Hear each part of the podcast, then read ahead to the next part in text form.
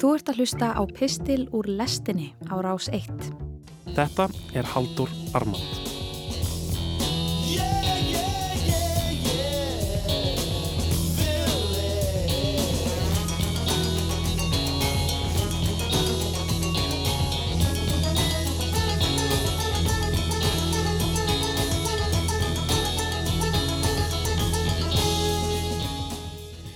Maður er nefndur heilagur Anton, kristinn munkur frá Egiptalandi, fættur árið 251 eftir Krist og dáinn hinn 17. janúar árið 356 eða fyrir litlum 1664 árum síðan. Fyrir miskilning er Anton stundum kallaður fyrsti kristni munkurinn en það kemur fram í æfisögu hans sem skráð var af samtímamanni Athaniusi frá Aleksandríu að ímsir menn höfðu tekið upp kristilegt naumhyggjulíf á undan honum. Hann var hins vegar sá fyrsti til þess að halda af ásettu ráði út í eðimörkina að sið læri mistarans sjálfs og dvaldi þar mestan hluta æfisinnar. Það er freystingar sem urða vegans þar á formi djöbla, drauga, kynjavera og svo framvegis hafa öldum saman verið vinsælt viðfásefni listamanna.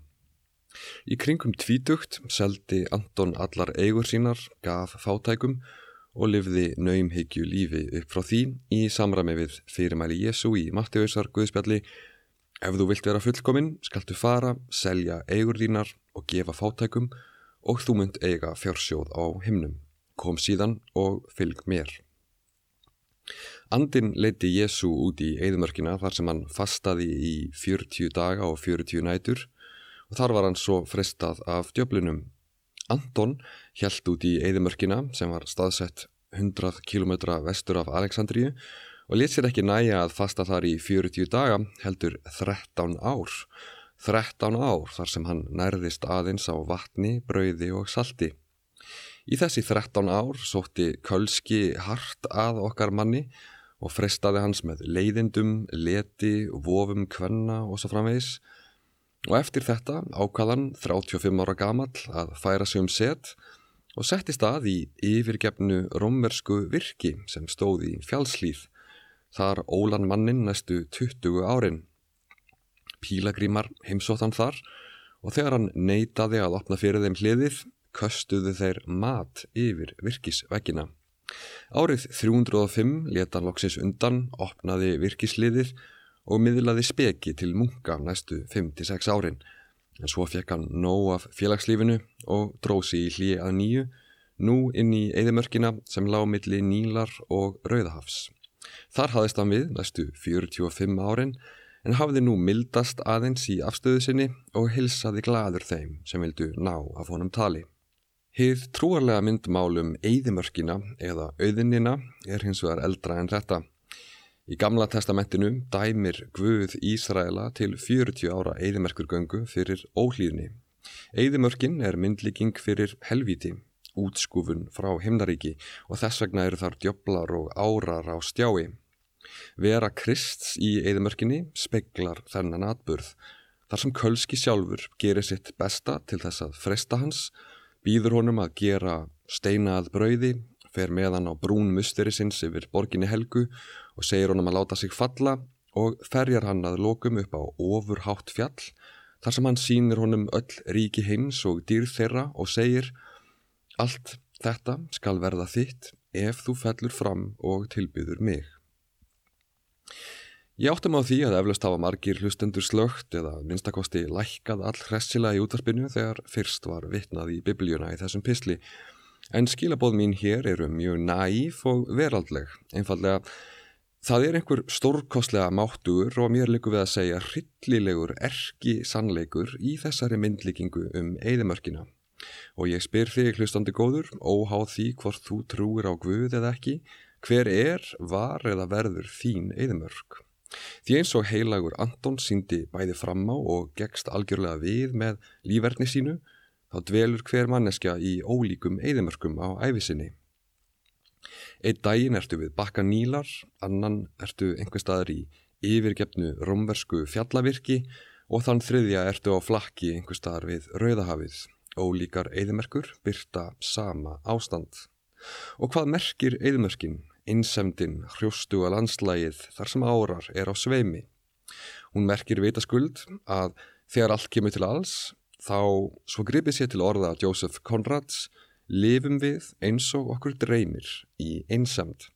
Það er að segja, og með talsverðri einföldun, að til þess að auðlast sannleikan innan gesalappa, þá þurfi hver manneskja, ein og óstutt, að horfast í augu við tilveru sína, hennar köldu lögmál og vægðarleysi hennar og hörku, að vera í eðimörkunni, fastandi á vott og þurft, í samtali við djöfulinn, merkir að horfast í augu við hinna ráu mennsku, án afsakana, án þess að leita undarkomulegar, án þess að leita hugunar í öðrum, að þarna og aðeins þarna séum við færum að vaksa, eblast og verða að einhverju stærra.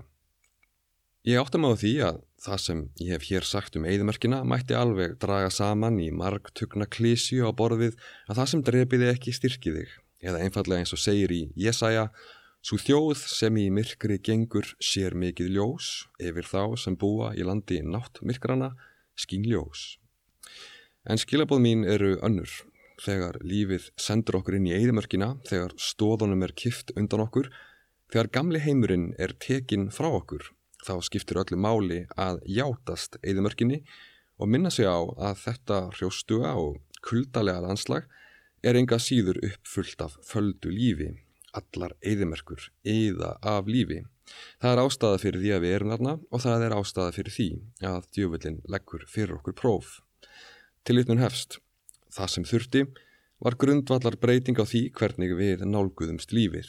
Við þurftum að læra sjálfur og jáfnframt að kenna hinnum örvætingarfullum önnum að það skipti í raun og veru ekki máli til hvers við ætluðumst af lífinu heldur þvert á móti til hvers lífið ætlaðist af okkur.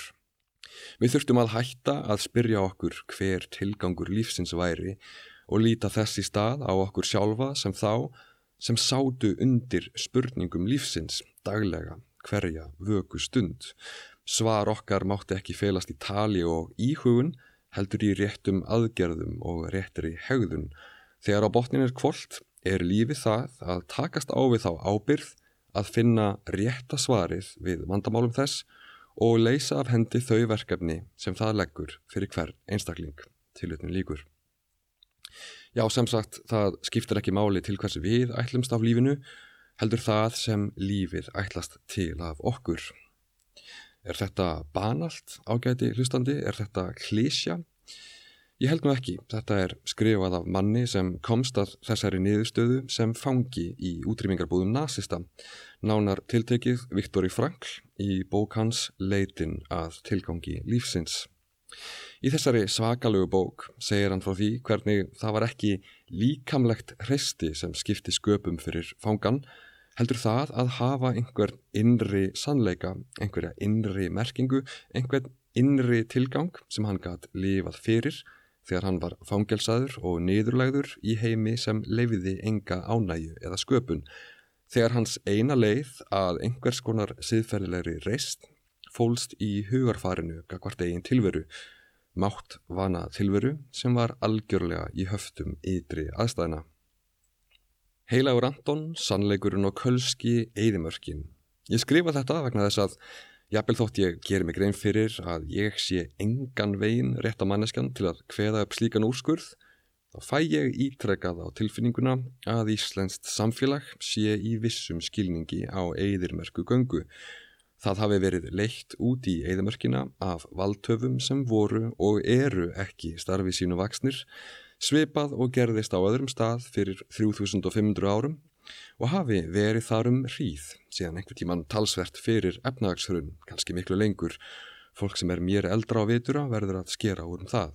Þegar ég hugsa um stóru málin á Íslandi síðustu 10-15 árin eða svo og hvernig brugðist hefur verið við þeim, þá er sem kaldur gustur farið um herbergir og afraksturinn er sá að tröst til alþingis er ekkert eins og ítrekkað hefur verið talað um á þessum vettvangi sem þýðir í raun að þjóðin treystir ekki eigin samfélagsgerð, treystir ekki valdtöfunum, treystir ekki lögunum. En stjórnmálastjættin lætur eins og þetta vantraust sé ekki til, alveg eins og nýja stjórnarskráin sem kvarf um leið og þjóðin kausana Alveg eins og svo margt, svo margt, svo margt sem fær og hefur fengið að gerast í íslensku samfélagi og ángar af reykjelsi hins ídla. Já, ég veit að þetta er svolítið næft og bláeikt. Ég sé sjálfa mig fyrir mér lesa þetta eftir fimm ár og skella upp úr yfir minni eigin einfældni. En samt get ég ekki hrist þetta af mér. Við erum í eðimörkinni, við höfum verið þar um hríð og það er nákvæmlega ekkert sem bendir til þess að við verðum brátt leitt út úr henni en það er okkur í sífellu sagt af þeim sem ráða för að trúa ekki okkar eigin augum.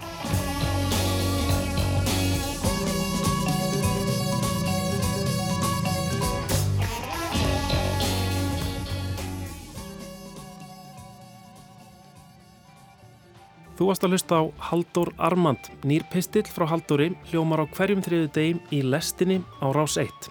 Ef þú fílaðir þennan pistil og vilt heyra meira, getur gerst áskrifandi að lestinni hér í hlaðvarpsappinu þínu. Rás 1 fyrir forveitna.